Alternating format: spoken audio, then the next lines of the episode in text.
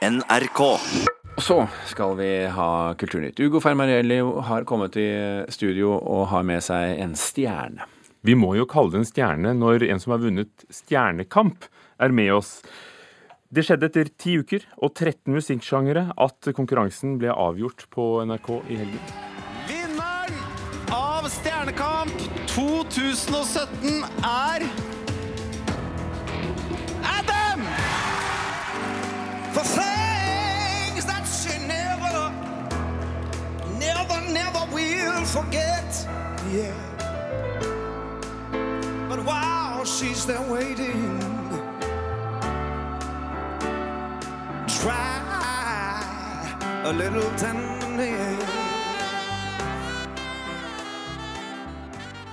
Adam Douglas, gratulerer og god morgen.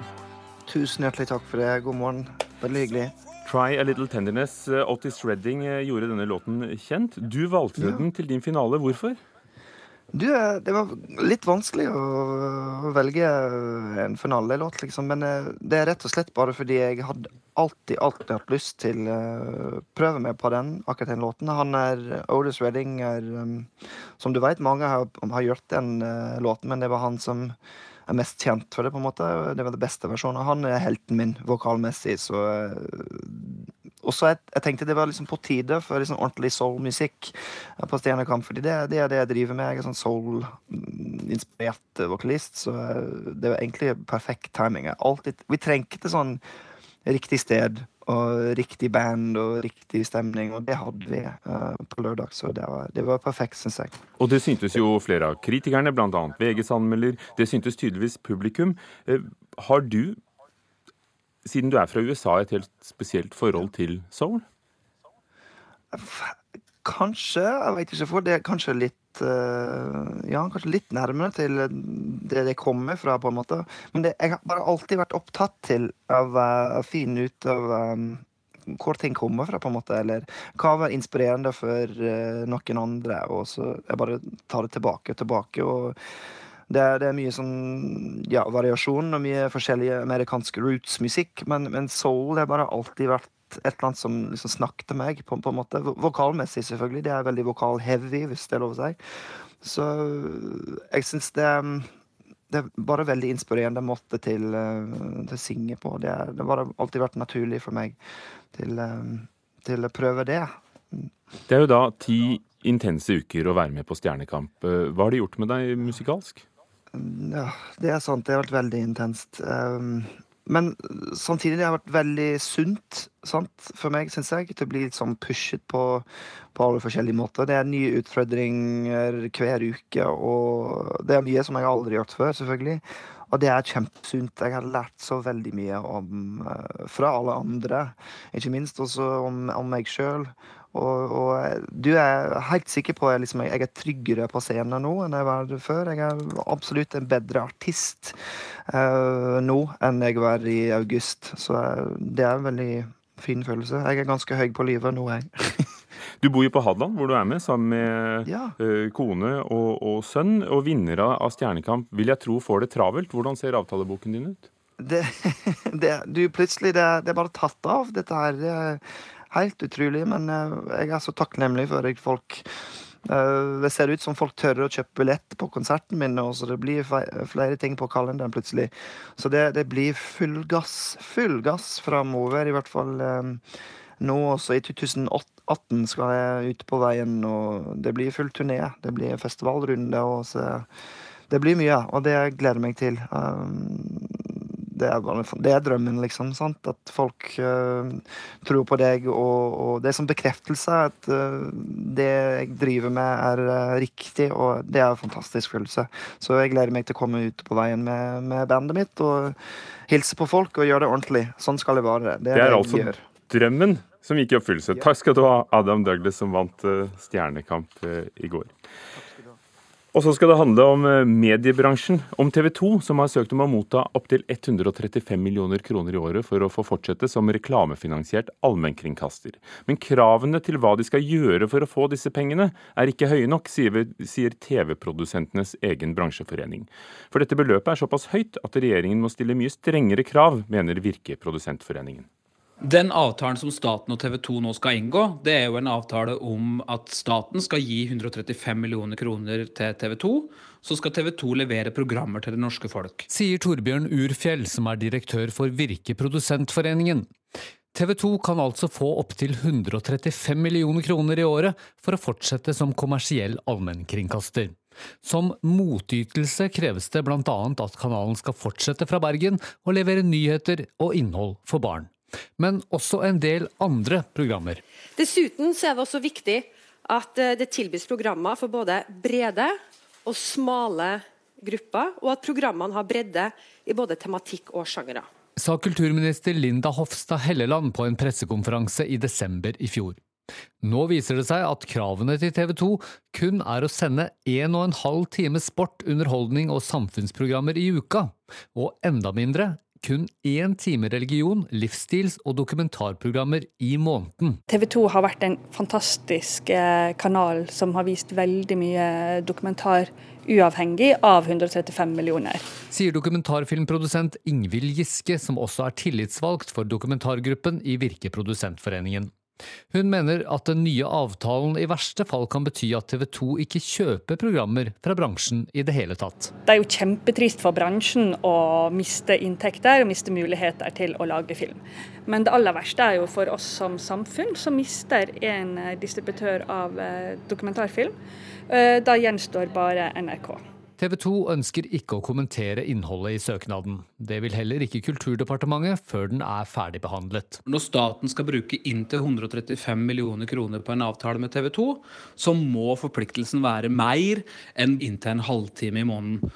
Ellers så bør beløpet på 135 millioner kroner være mindre. Sier Torbjørn Urfjell. TV 2 er jo helt sikkert interessert i å ha minst mulig forpliktelse, eh, men det er det offentliges interesse at når staten bruker 135 millioner kroner, så ligger det forpliktelser som ikke et framtidig styre bare kan hoppe bukk over. Reporter Petter Sommer. Etter at eh, Hollywood-produsent Harvey Weinstein ble beskyldt av over 60 kvinner for å ha begått eh, seksuelle overgrep, har kampanjen Metoo blitt et fenomen over hele verden, der kvinner har fortalt om seksuell trakassering i underholdningsbransjen.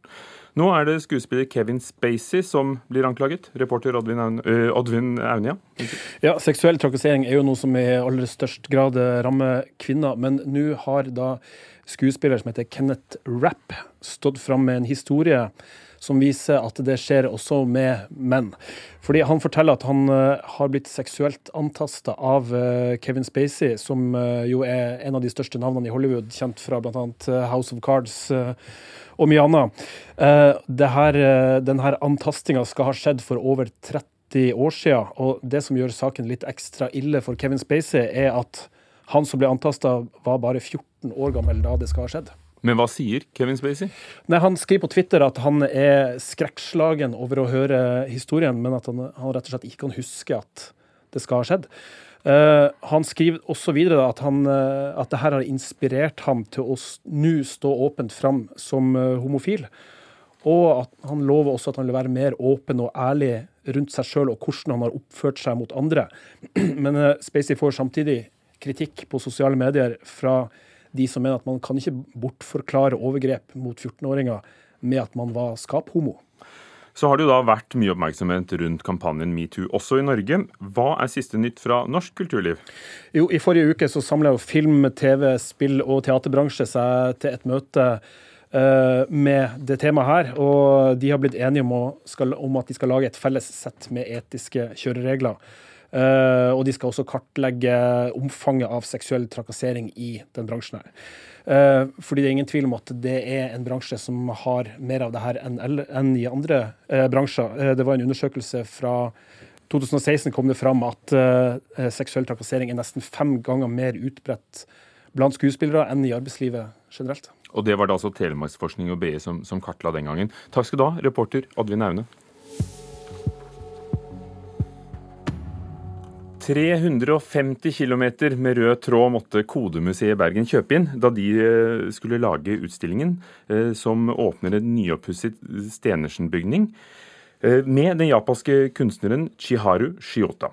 Mona Palle Bjerke, vår kunstkritiker her i NRK. Utstillingen heter 'Direction'. Hvilken retning tar den å si? Ja, det er, jo, det er en utrolig sterk opplevelse å tre inn i dette store, enorme røde nettverket av tråd som hun har skapt. Liksom, hun har vevd inn gamle bergenske trebåter, vestlandsbåter, i et enormt nettverk av tråd. Da. Knyttet, vevet, eh, på en måte knutet sammen disse trådene i vakre former og formasjoner. Og er, Jeg gikk dit med litt sånn gråværsstemning i sjelen. og var, Det er sjelden at et eh, kunstverk har grepet meg og løftet meg eh, så effektivt, eh, faktisk. Hun er ingen hvem som helst. Chiharu Shiota? Nei, dette er en veldig stor uh, kunstner. Hun er altså født i Osaka i 1972. Er verdensberømt. Hun, uh, mange har sett et lignende verk som dette her på Venezia-biennalen 2015. 'Key in Hand' het det verket. Det minner veldig det er altså dette røde nettverket av tråder der, men der kommer det mye mer fra taket, henger mer ned. Mens her i Kode så er vi mer omsluttet av dette nettverket overalt. Og det hang også 50 000 nøkler da, fra taket på, i den japanske paviljongen i Venezia i 2015. Men her i Bergen. Uh, Shiota er jo også uh, tegner. Uh, hvordan Vises det på utstillingen og i verkene? Ja, Det er et veldig eh, godt spørsmål. fordi Hun er nemlig også en tegner med tråd.